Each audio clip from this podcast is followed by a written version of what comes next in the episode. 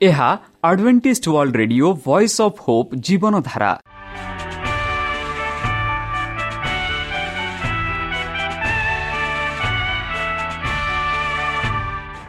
Odia radio କାର୍ଯ୍ୟକ୍ରମ ଯାହା ଆମର ଆନ୍ତର୍ଜାତୀୟ ଆଘାତ କେନ୍ଦ୍ରରୁ ପ୍ରସାରଣ କରାଯାଉଛି ପ୍ରତିଦିନ ରାତି ନଅଟା ତିରିଶ ମିନିଟ୍ରେ। ମୁଁ ସୁବ୍ରତ କୁମାର ପତି ପ୍ରେମର ସହ ଆପଣମାନଙ୍କୁ ଏହି କାର୍ଯ୍ୟକ୍ରମକୁ ସ୍ୱାଗତ କରୁଅଛି। ଚାଲନ୍ତୁ ଆଜିର ତିରିଶ ମିନିଟ୍ର କାର୍ଯ୍ୟକ୍ରମ ବିଷୟରେ ଜାଣିନେବା। ପ୍ରଥମେ ରଖିଛୁ ଆଧ୍ୟାତ୍ମିକ ଭକ୍ତିମୟ ଗୀତ। ଭକ୍ତଙ୍କଠାରୁ ଜୀବନଦାୟକ ଈଶ୍ୱରଙ୍କ ବାକ୍ୟ। ପ୍ରିୟ ଶ୍ରୋତା ତାହେଲେ ଚାଲନ୍ତୁ ଶୁଣିବା ଏକ ଆଧ୍ୟାତ୍ମିକ ଭକ୍ତିମୟ ଗୀତ।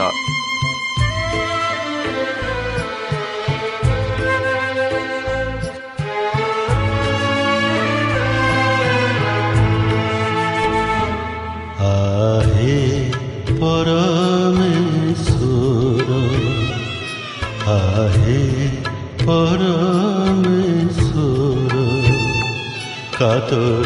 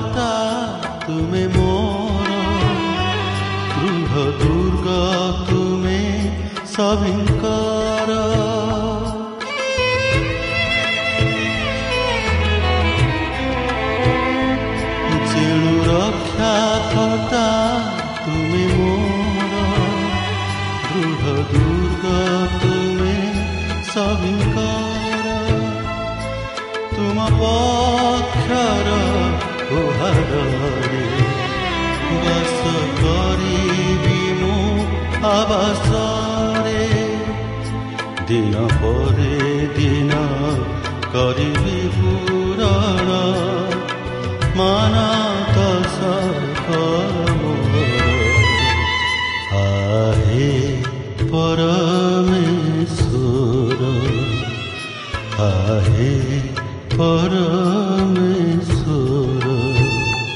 কাতরক্তি ভরা প্রার্থনারে মোর মন যোগ তুমি কর। আহে পরমেশ্বর আহে পরমেশ্বর। ଆମ ଠିକଣା Adventist Media Centre SDA mission compound Salisbury Park Pune ଚାରି ଏକ ଏକ ଶୂନ ତିନି ସାତ ମହାରାଷ୍ଟ୍ର ବା ଖୋଲନ୍ତୁ ଆମର ୱେବସାଇଟ୍ ଯେକୌଣସି Android phone smartphone desktop laptop କିମ୍ବା ଟ୍ୟାବ୍ଲେଟ୍ ଆମର website W W W dot A W R dot O R G slash O R I ଏବଂ W W W dot Adventist Media Centre India dot O R G advantage media centre ଇଣ୍ଡିଆର spelling ହେଉଛି A D V E N T I S T M E D I A C E N T R E I N D I A ବର୍ତ୍ତମାନ ଚାଲନ୍ତୁ ଶୁଣିବା ଈଶ୍ୱରଙ୍କ ଭକ୍ତଙ୍କଠାରୁ ଈଶ୍ୱରଙ୍କ ଜୀବନଦାୟକ ବାକ୍ୟ। ଅନନ୍ତ ଯନ୍ତ୍ରଣା ଭାଗ ଏକ। ନମସ୍କାର ପ୍ରିୟ ଶ୍ରୋତା। ସେହି ସର୍ବଶକ୍ତି ସର୍ବଜ୍ଞାନୀ ପ୍ରେମର ସାଗର ଦୟାମୟ ଅନ୍ତର୍ଜମୀ ଅନୁଗ୍ରହ ପରମ ପିତାଙ୍କ ମଧୁର ନାମରେ ମୁଁ ପାଷ୍ଟ ପୂର୍ଣ୍ଣ ଚନ୍ଦ୍ର ଆଉ ଥରେ ଆପଣମାନଙ୍କୁ ଏହି କାର୍ଯ୍ୟକ୍ରମରେ ସ୍ୱାଗତ କରୁଅଛି। ସେହି ସର୍ବଶକ୍ତି ପରମେଶ୍ୱର ଆପଣମାନଙ୍କୁ ଆଶୀର୍ବାଦ କରନ୍ତୁ। ଆପଣଙ୍କୁ ସମସ୍ତ ପ୍ରକାର ଦୁଃଖ କଷ୍ଟ ବାଧା କ୍ଲେଶ ଓ ରୋଗରୁ ଦୂରେଇ ରଖୁ। ଶତ୍ରୁ ସୟତାନ ହସ୍ତରୁ ସେ ଆପଣଙ୍କୁ ସୁରକ୍ଷାରେ ରଖନ୍ତୁ। ସେହି ପରମେଶ୍ୱର ଆପଣଙ୍କର ସମସ୍ତ ମନୋକାମନା ପୂର୍ଣ୍ଣ କରନ୍ତୁ। ତାହାଙ୍କ ପ୍ରେମ ତାହାଙ୍କ ସ୍ନେହ ତାହାଙ୍କ କୃପା ତାହାଙ୍କ ଅନୁଗ୍ରହ ସଦାସର୍ବଦା ଆପଣଙ୍କଠାରେ ସହବର୍ତ୍ତୀ ରହୁ। ପ୍ରିୟସତା ଚାଲନ୍ତୁ। ଆଜି ଆମ୍ଭେମାନେ କିଛି ସମୟ ପବିତ୍ର ଶାସ୍ତ୍ର ବାଇବଲଠୁ ତାହାଙ୍କ ଜୀବନଦାୟକ ବାକ୍ୟ ଧ୍ୟାନ କରିବା। ଆଜିର ଆଲୋଚନା ହେଉଛି ଅନନ୍ତ ଯନ୍ତ୍ରଣା ଭାଗ ଏକ। ବନ୍ଧୁ କେତେ ଦିନ ଧରି ଆମେ ପାପୀମାନଙ୍କର ସେଇ ଶେଷର ବିଷୟରେ ଆମେ ଆଲୋଚନା କରୁଛୁ। ପାପୀମାନଙ୍କୁ କିପରି ପରମେଶ୍ୱର ଦଣ୍ଡ ଦେବେ ସେହି ଦଣ୍ଡ ବିଷୟରେ ଆମେ ଆଲୋଚନା କରୁଛୁ। ଆଜି ଆମେ ବିଶେଷ ଭାବରେ ଆଲୋଚନା କରିବା ସେହି ଅନନ୍ତ ଯନ୍ତ୍ରଣା ବିଷୟରେ ଯାହା ବଞ୍ଚିଥିଲା ସମୟରେ ଯେଉଁ ଯନ୍ତ୍ରଣା ସେମାନେ ଭୋଗି ନାହାନ୍ତି ଆଉ ଯେବେ ଯୀଶୁଖ୍ରୀଷ୍ଟ ଆସିବେ ସେହି ପାପୀମାନେ କିପରି ଯନ୍ତ୍ରଣା ଭୋଗିବେ ସେହି ଯନ୍ତ୍ରଣା ବିଷୟରେ ଆମେ ଆଜିକାଲି ଆଉ ପରଦିନକୁ ଏହି ବିଷୟରେ ଆଲୋଚନା କରିବା। ଯେପରିକି ଆମେ ବନ୍ଧୁ ଗୀତ ସଂହିତା ଷୋହଳ ଦଶରେ ଗୀତ ଲେଖକ କହନ୍ତି ଏହିପରି କାରଣ ତୁମ୍ଭେ ମୋ ପ୍ରାଣକୁ ପାତଳରେ ପରିତ୍ୟାଗ କରିବ ନାହିଁ। କିଏ ବା ତୁମେ ଆପଣା ପବିତ୍ର ଜଣକୁ କ୍ଷୟ ପାଇବାକୁ ଦେବ ନାହିଁ। ବନ୍ଧୁ ପାତାଳ ଆମେ ବେଲେ ବେଲେ ଶୁଣିଥାଉ ସ୍ୱର୍ଗ ପାତାଳ ସ୍ୱର୍ଗ ମାନେ ଉପରକୁ ପାତାଳ ମାନେ ତଳକୁ। ଆଉ ସ୍ୱର୍ଗକୁ କିଏ ଯାଆନ୍ତି? ଧାର୍ମିକ ଲୋକମାନେ ସ୍ୱର୍ଗକୁ ଯାଆନ୍ତି ଆଉ ଧାର୍ମିକ ଲୋକମାନେ ପାପୀ ମାନେ ପାତାଳକୁ ଯାଆନ୍ତି। ଏହିପରି ଆମର ବିଶ୍ୱାସ ଅଛି। ମାତ୍ର ପବିତ୍ର ଶାସ୍ତ୍ର ବାଇବଲ ଏହି ବିଷୟ ମାନଙ୍କୁ କ'ଣ କହୁଅଛି ଆଉ ଯେହେତୁ ବିଶେଷ ଭାବରେ ଆମେ ଅନନ୍ତ ଯନ୍ତ୍ରଣା ବିଷୟରେ ଆଲୋଚନା କରୁଛେ ତାହେଲେ ପାତାଳ ବିଷୟରେ ଗୀତ ଲେଖକ ଲେଖନ୍ତି କାରଣ ତୁମ୍ଭେ ମୋ ପ୍ରାଣକୁ ପାତାଳରେ ପରିତ୍ୟାଗ କରିବ ନାହିଁ। କେଉଁ କହୁଛନ୍ତି ଗୀତ ଲେଖକ ସଦାପ୍ରଭୁଙ୍କଠାରେ ପ୍ରାର୍ଥନା କରି କହୁଛନ୍ତି ହେ ପ୍ରଭୁ ପରମେଶ୍ୱର ତୁମେ ମୋ ପ୍ରାଣକୁ ପାତାଳରେ ପରିତ୍ୟାଗ କରିବ ନାହିଁ। କିଏ ବା? ତୁମ୍ଭେ ଆପନା ପବିତ୍ର ଜଣ କ୍ଷୟ ପାଇବାକୁ ଦେବ ନାହିଁ। ଯେହେତୁ ସେ ନିଜ କହନ୍ତି ସେ ପବିତ୍ର। ଆଉ ପରମେଶ୍ୱରଙ୍କୁ ସେ ବିଶ୍ୱାସ କରନ୍ତି ଆଉ ସେ ପରମେଶ୍ୱରକୁ ଯାହାକୁ ସେ ବିଶ୍ୱାସ କରୁଛନ୍ତି ସେହି ପରମେଶ୍ୱର ତାଙ୍କୁ କ୍ଷୟ କରିବ ନାହିଁ ବୋଲି ସେ ଆଶା ରଖୁଛନ୍ତି ପ୍ରେରିତ ଦୁଇ ସତାଇଶ ଲୁକ କହନ୍ତି ଏହିପରି କାରଣ ତୁମ୍ଭେ ମୋହର ପ୍ରାଣକୁ ପାତାଳରେ ପରିତ୍ୟାଗ କରିବ ନାହିଁ କିଏ ବା ଆପଣା ଭକ୍ତକୁ କ୍ଷୟ ପାଇବାକୁ ଦେବ ନାହିଁ ଦେଖନ୍ତୁ ଆଉ ଥରେ ଲୁକରେ ମଧ୍ୟ ଆମେ ପାଉଅଛୁ କାରଣ ତୁମ୍ଭେ ମୋହର ପ୍ରାଣକୁ ପାତାଳରେ ପରିତ୍ୟାଗ କରିବ ନାହିଁ ଯେହେତୁ ଆମେ ବନ୍ଧୁ ଯୀଶୁଖ୍ରୀଷ୍ଟଙ୍କଠାରେ ବିଶ୍ୱାସ କରୁଛେ ଯୀଶୁଖ୍ରୀଷ୍ଟଙ୍କ ମୃତ୍ୟୁ ଯୀଶୁଖ୍ରୀଷ୍ଟଙ୍କ ପୁନରୁତ୍ଥାନ ଆମେ ବିଶ୍ୱାସ କରୁଛୁ ଆଉ ଆମେ ଯୀଶୁଖ୍ରୀଷ୍ଟଙ୍କୁ ବିଶ୍ୱାସ କରୁଛୁ ଏହିପରିକି ଯୀଶୁ ହିଁ ସେ ସତ୍ୟ ପଥ ଓ ଜୀବନ ଆମେ ଯୀଶୁ ଖ୍ରୀଷ୍ଟଙ୍କଠାରେ ବିଶ୍ୱାସ କରୁଛୁ ଯୀଶୁ ହିଁ ଆମର ମାର୍ଗଦର୍ଶନ ଆଉ ଯୀଶୁ ହିଁ ଆମର ମାର୍ଗ ବୋଲି ଆମେ ବିଶ୍ୱାସ କରୁଛୁ ଆଉ ଯେବେ ଆମେ ଏହିପରି ବିଶ୍ୱାସ କରୁଛେ ଆଉ ଏଥି କାରଣରୁ ଲୋକ ଲେଖନ୍ତି ହେ ପରମେଶ୍ୱର ମୁଁ ଜାଣେ ମୋର ଶରୀରକୁ ବା ମୋ ପ୍ରାଣକୁ ସେହି ପାତାଲରେ ପରିତ୍ୟାଗ କରିବନି ବରଂ ମୋତେ ସେହି ସ୍ୱର୍ଗ ନେବ। ଯେହେତୁ ସେ ବିଶ୍ୱାସ କରନ୍ତି। ଆଉ ସେ ବି କହନ୍ତି ମୁଁ ତୁମ ସେହି ଭକ୍ତ। ମୁଁ ତୁମ ସେହି ଜିସାୟ। ମୁଁ ଯାହା ତୁମକୁ ବିଶ୍ୱାସ କରୁଛି ତୁମ କାର୍ଯ୍ୟ କରୁଛି ତୁମ ସେବା କରୁଛି। ଆଉ ତୁମ ବିଷୟରେ ମୁଁ ଅନ୍ୟମାନଙ୍କୁ ପ୍ରଚାରିତ କରୁଅଛି। ତୁମ ସେହି ପବିତ୍ର ଆଜ୍ଞା ମୁଁ ମାନି ଚାଲୁଛି। ମୁଁ ଆଶା କରୁଛି କି ତୁମ ସେହି ଭକ୍ତକୁ ତୁମେ କ୍ଷୟ ପାଇବାକୁ ଦେବ ନାହିଁ ବରଂ ସାହାଯ୍ୟ କରିବ। ବରଂ ତୁମ ହସ୍ତରେ ରଖି ତାକୁ ସାହାଯ୍ୟ କରିବ ବୋଲି ପ୍ରେରିତ ଦୁଇ ସତେଇଶରେ ଲୋକ ଲେଖନ୍ତି। ପିତର ଲେଖନ୍ତି ଏହିପରି ଦ୍ୱିତୀୟ ପିତର ଦୁଇ ଚାରିରେ କାରଣ ଈଶ୍ୱର ପାପରେ ପତିତ ଦୂତମାନଙ୍କୁ ନ ଛାଡ଼ି ନରକରେ ନିକ୍ଷପ୍ତ କରି ବିଚାର ନିମନ୍ତେ ଅନ୍ଧକାରମୟ ଗ୍ରହଣରେ ରଖିଅଛନ୍ତି। ବନ୍ଧୁ ଆମେ ଦେଖୁ କିପରି ଶୈତାନ ଯେ କି ଶୈତାନ ଯାହାକୁ ଆମେ କହୁଅଛୁ ଲୁସିଫର ଯାହାର ନାମ ହେଉଛି ପ୍ରଭାତ ତାରା। ଯିଏକି ବଡ଼ ବୁଦ୍ଧିମାନ ବ୍ୟକ୍ତି ଥିଲେ। ତାର ସ୍ୱର ଏକ ସୁନ୍ଦର ସ୍ୱର ଥିଲା। ସେହି ଦୂତମାନଙ୍କର ସେନାପତି ଥିଲେ। ଆଉ ଯେବେ ତାର ହୃଦୟରେ ସେ ଗର୍ଭ ସୃଷ୍ଟି ହେଲା ଆଉ ସେ ଗର୍ଭ ଯୋଗୁଁ ସେ ନିଜକୁ ପରମେଶ୍ୱରଙ୍କଠୁ ଅଧିକ କରିବା ପାଇଁ ଚେଷ୍ଟା କଲେ ଆଉ ପରମେଶ୍ୱରଙ୍କ ବିରୁଦ୍ଧରେ ସେ ଲଢ଼ିଲେ ଆଉ ଯେବେ ପରମେଶ୍ୱରଙ୍କ ବିରୁଦ୍ଧରେ ଲଢ଼ିଲେ ଆମେ ଦେଖୁଅଛୁ ପରମେଶ୍ୱର ସେମାନଙ୍କୁ ସେହି ସମୟରେ ବିନଷ୍ଟ କରିନାହାନ୍ତି। ପରମେଶ୍ୱର ସେହି ସମୟରେ ସେମାନଙ୍କୁ ନଷ୍ଟ କରିନାହାନ୍ତି ବର୍ତ୍ତମାନ ସେମାନେ ଏହି ପୃଥିବୀରେ ବାସ କରୁଛନ୍ତି। ଆଉ ଆମେ ଦେଖୁଅଛୁ ଯେବେ ଯୀଶୁଖ୍ରୀଷ୍ଟ ଆସିବେ ସେତେବେଳେ ସେମାନେ ଏହି ପୃଥିବୀରେ ବନ୍ଧନ ରୂପେ ରହିବେ। ଆଉ ଯେବେ ଯୀଶୁଖ୍ରୀଷ୍ଟ ଆଉ ଥରେ ଆସିବେ ସେତେବେଳେ ଏହି ମନ୍ଦ ଦୂତମାନେ ବିନଷ୍ଟ ହେବେ ବନ୍ଧୁ ବିନଷ୍ଟ ହେବେ। ଆଉ ସେଥି କାରଣରୁ ଆମେ ପାଉଛୁ ଦ୍ୱିତୀୟ ପିତର ଏହା ଜାଣି ସେ ଲେଖନ୍ତି କାରଣ ଈଶ୍ୱର ପାପରେ ପତିତ ଦୂତମାନଙ୍କୁ ନ ଛାଡ଼ି ନରକରେ ନିକ୍ଷିପ୍ତ କରି ବିଚାର ନିମନ୍ତେ ଅନ୍ଧକାରମୟ ଗ୍ରହଣରେ ରଖିଅଛନ୍ତି। ହଁ ବନ୍ଧୁ ବିଚାର ନିମନ୍ତେ ଏମାନଙ୍କ ବିଚାର ନିମନ୍ତେ ଯେତେ ଲୋକ ବର୍ତ୍ତମାନ ପାପ କରୁଛନ୍ତି ଯେତେ ଲୋକ ଭବିଷ୍ୟତରେ ପାପ କରିଛନ୍ତି ଯେତେ ଲୋକ ବିଗତରେ ପାପ କରିବେ ଭବିଷ୍ୟତରେ ପାପ କରିବେ ବିଗତରେ ପାପ କରିଛନ୍ତି ଆଉ ବର୍ତ୍ତମାନ ଯେତେ ଲୋକ ପାପ କରୁଛନ୍ତି ସେମାନଙ୍କର ସମସ୍ତଙ୍କର ବର୍ତ୍ତମାନ ବିନଷ୍ଟ ହୋଇନାହିଁ। ମାତ୍ର ସେଇ ବିନଷ୍ଟ ସମୟ ଏକ ନିର୍ଦ୍ଦିଷ୍ଟ ସମୟ ଅଛି। ଆଉ ସେଇ ନିର୍ଦ୍ଦିଷ୍ଟ ସମୟରେ ଏମାନେ ବିଚାରିତ ହେବେ ଆଉ ସେମାନେ ବିନଷ୍ଟ ହେବେ ବନ୍ଧୁ।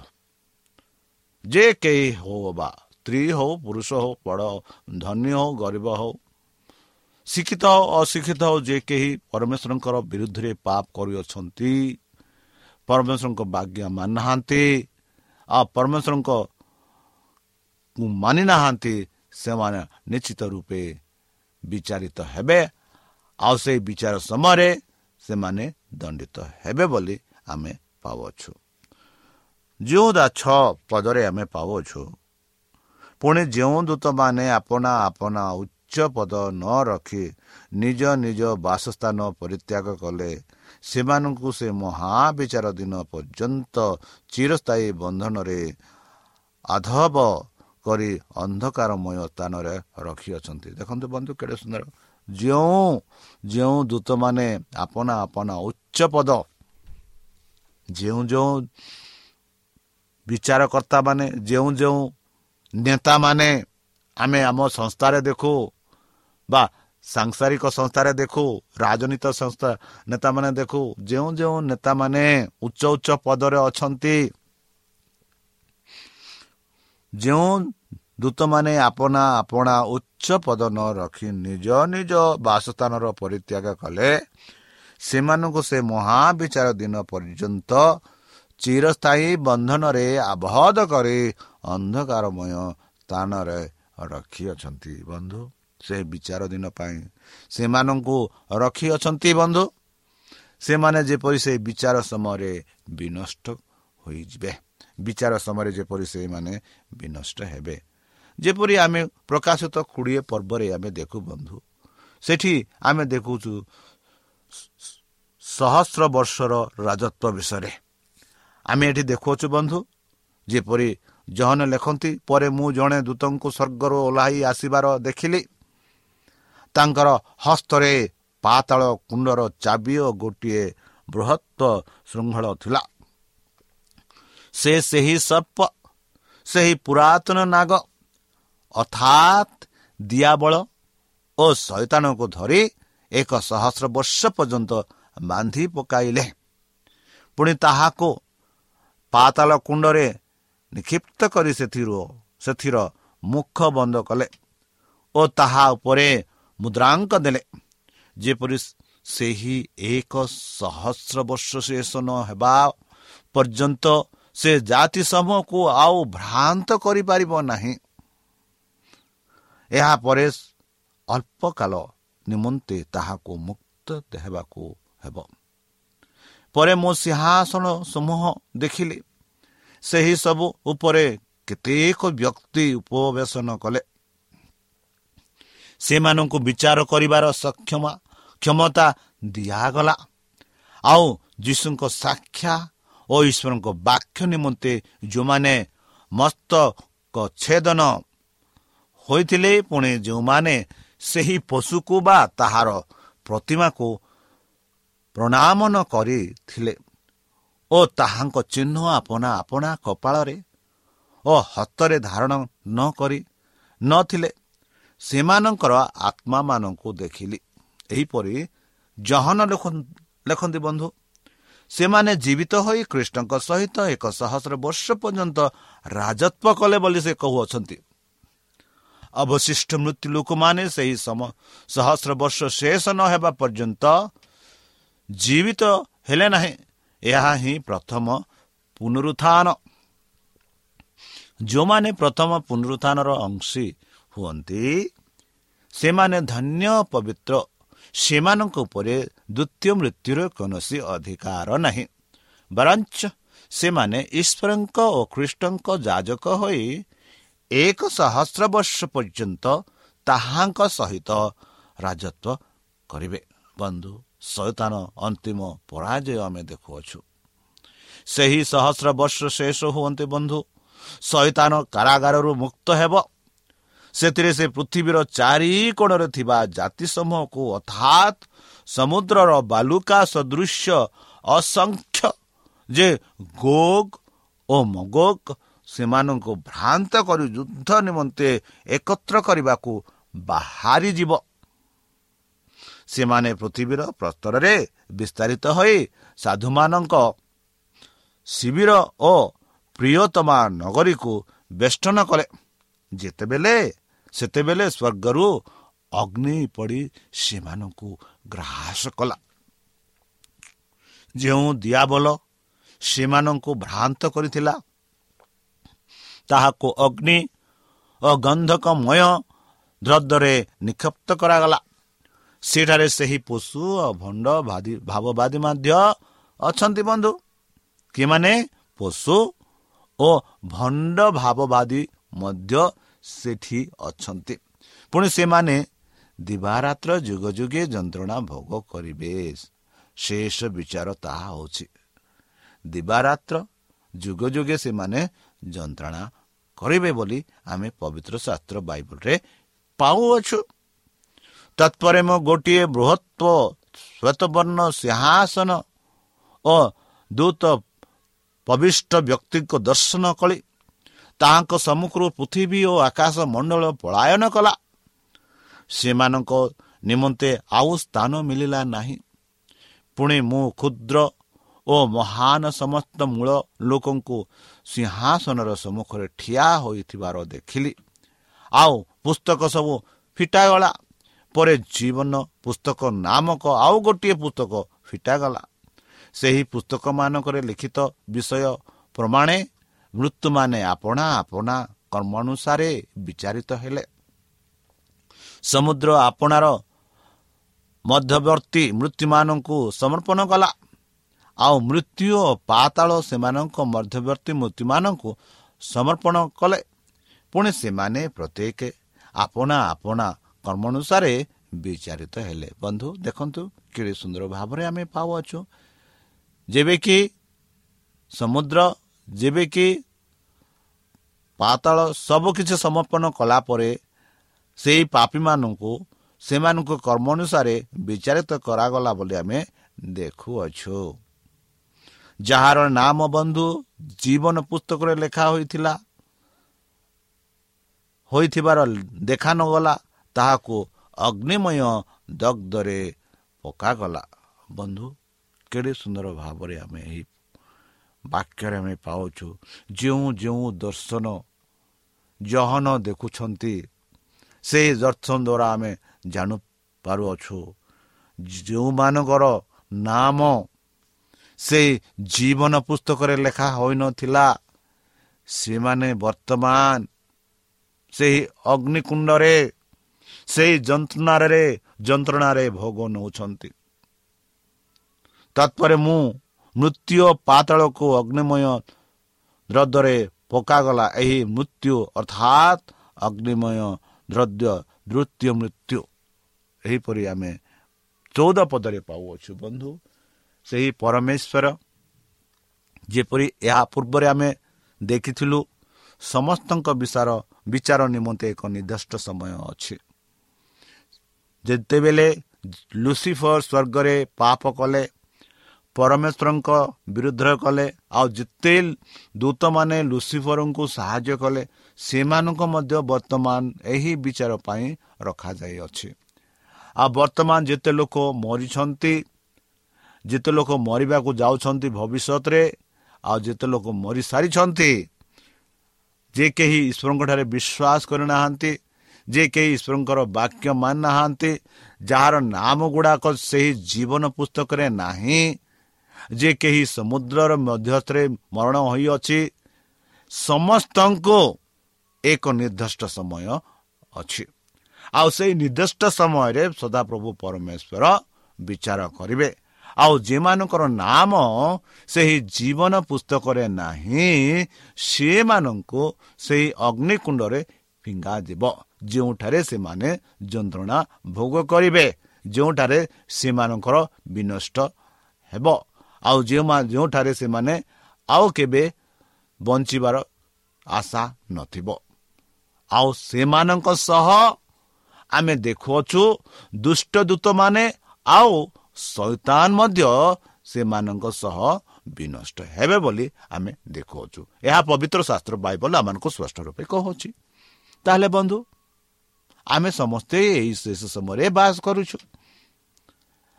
ଏହା ଏଇ ଯେଉଁ ବାର୍ତ୍ତା ଗୁଡ଼ାକ ଆମକୁ ସତର୍କବାଣୀ ଦେଉଅଛି। ଆମେ ଯେପରିକି ଆମେ ନିଜକୁ ପ୍ରସ୍ତୁତ କରିବା ଆମ ପରିବାରକୁ ପ୍ରସ୍ତୁତ କରିବା ଆମ ପଡ଼ିଶୀକୁ ପ୍ରସ୍ତୁତ କରିବା ଆମ ସମାଜକୁ ପ୍ରସ୍ତୁତ କରିବା ଏହାର ଆମର କର୍ତ୍ତବ୍ୟ। ଏହା ଆମର କର୍ତ୍ତବ୍ୟ।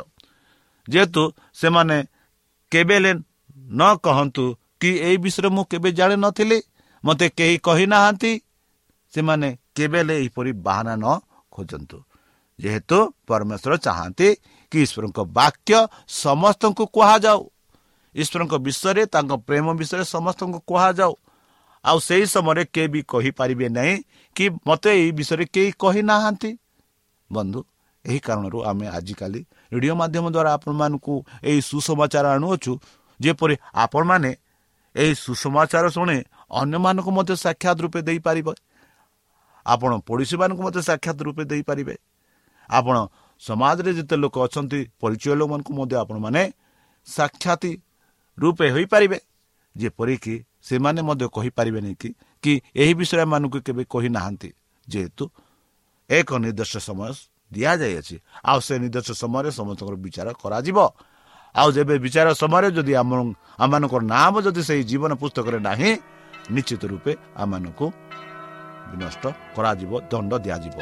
ତାହେଲେ ବନ୍ଧୁ ତା ଚାଲନ୍ତୁ ନିଜକୁ ସମର୍ପଣ କରି ସେହି ଯୀଶୁଖ୍ରୀଷ୍ଟଙ୍କ ନାମରେ ଆମେ ଏକ ସୁନ୍ଦର ଏକ ଛୋଟ ପ୍ରାର୍ଥନା କରିବା।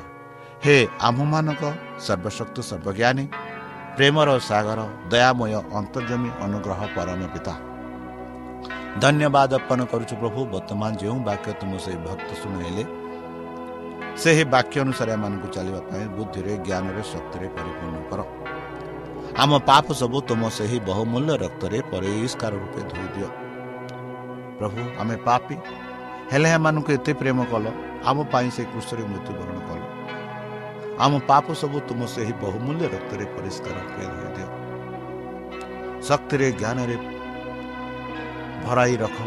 ଆଉ ସେହି ପବିତ୍ରତା ଦ୍ୱାରା ଆମକୁ ପରିଚାଳନା କର। ଆପରି ପରିଶେଷ ଯେବେ ତୁମେ ତୁମ ସେହି ସହସ୍ରଦୂତଙ୍କ ସହ ଆସିବେ ଆପଣା ସାଧୁମାନଙ୍କୁ ସଂଗ୍ରହ କରିବା ନିମନ୍ତେ ହେ ପରମେଶ୍ୱର ସେତେବେଳେ ଏମାନଙ୍କୁ ସ୍ମରଣ କର ବୋଲି ତ୍ରାଣକର୍ତ୍ତା ପ୍ରଭୁ ଯୀଶୁଙ୍କ ମଧୁରମୟ ନାମରେ ଏହି ଛୋଟ ଭିକ୍ଷା ମାଗୁଛି ଶୁଣି ଗ୍ରହଣ କର। ପ୍ରିୟ ଶ୍ରୋତା ଆମେ ଆଶା କରୁଛୁ ଯେ ଆମର କାର୍ଯ୍ୟକ୍ରମ ଆପଣମାନଙ୍କୁ ପସନ୍ଦ ଲାଗୁଥିବ।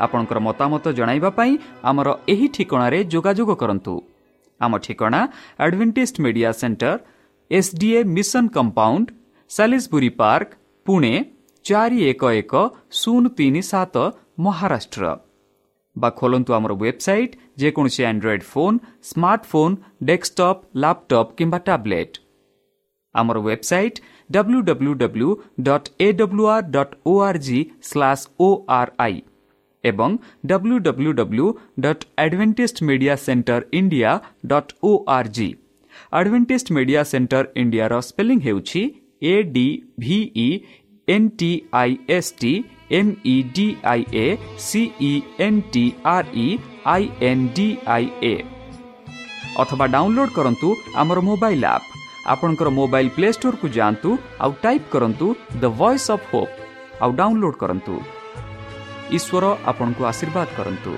ଧନ୍ୟବାଦ।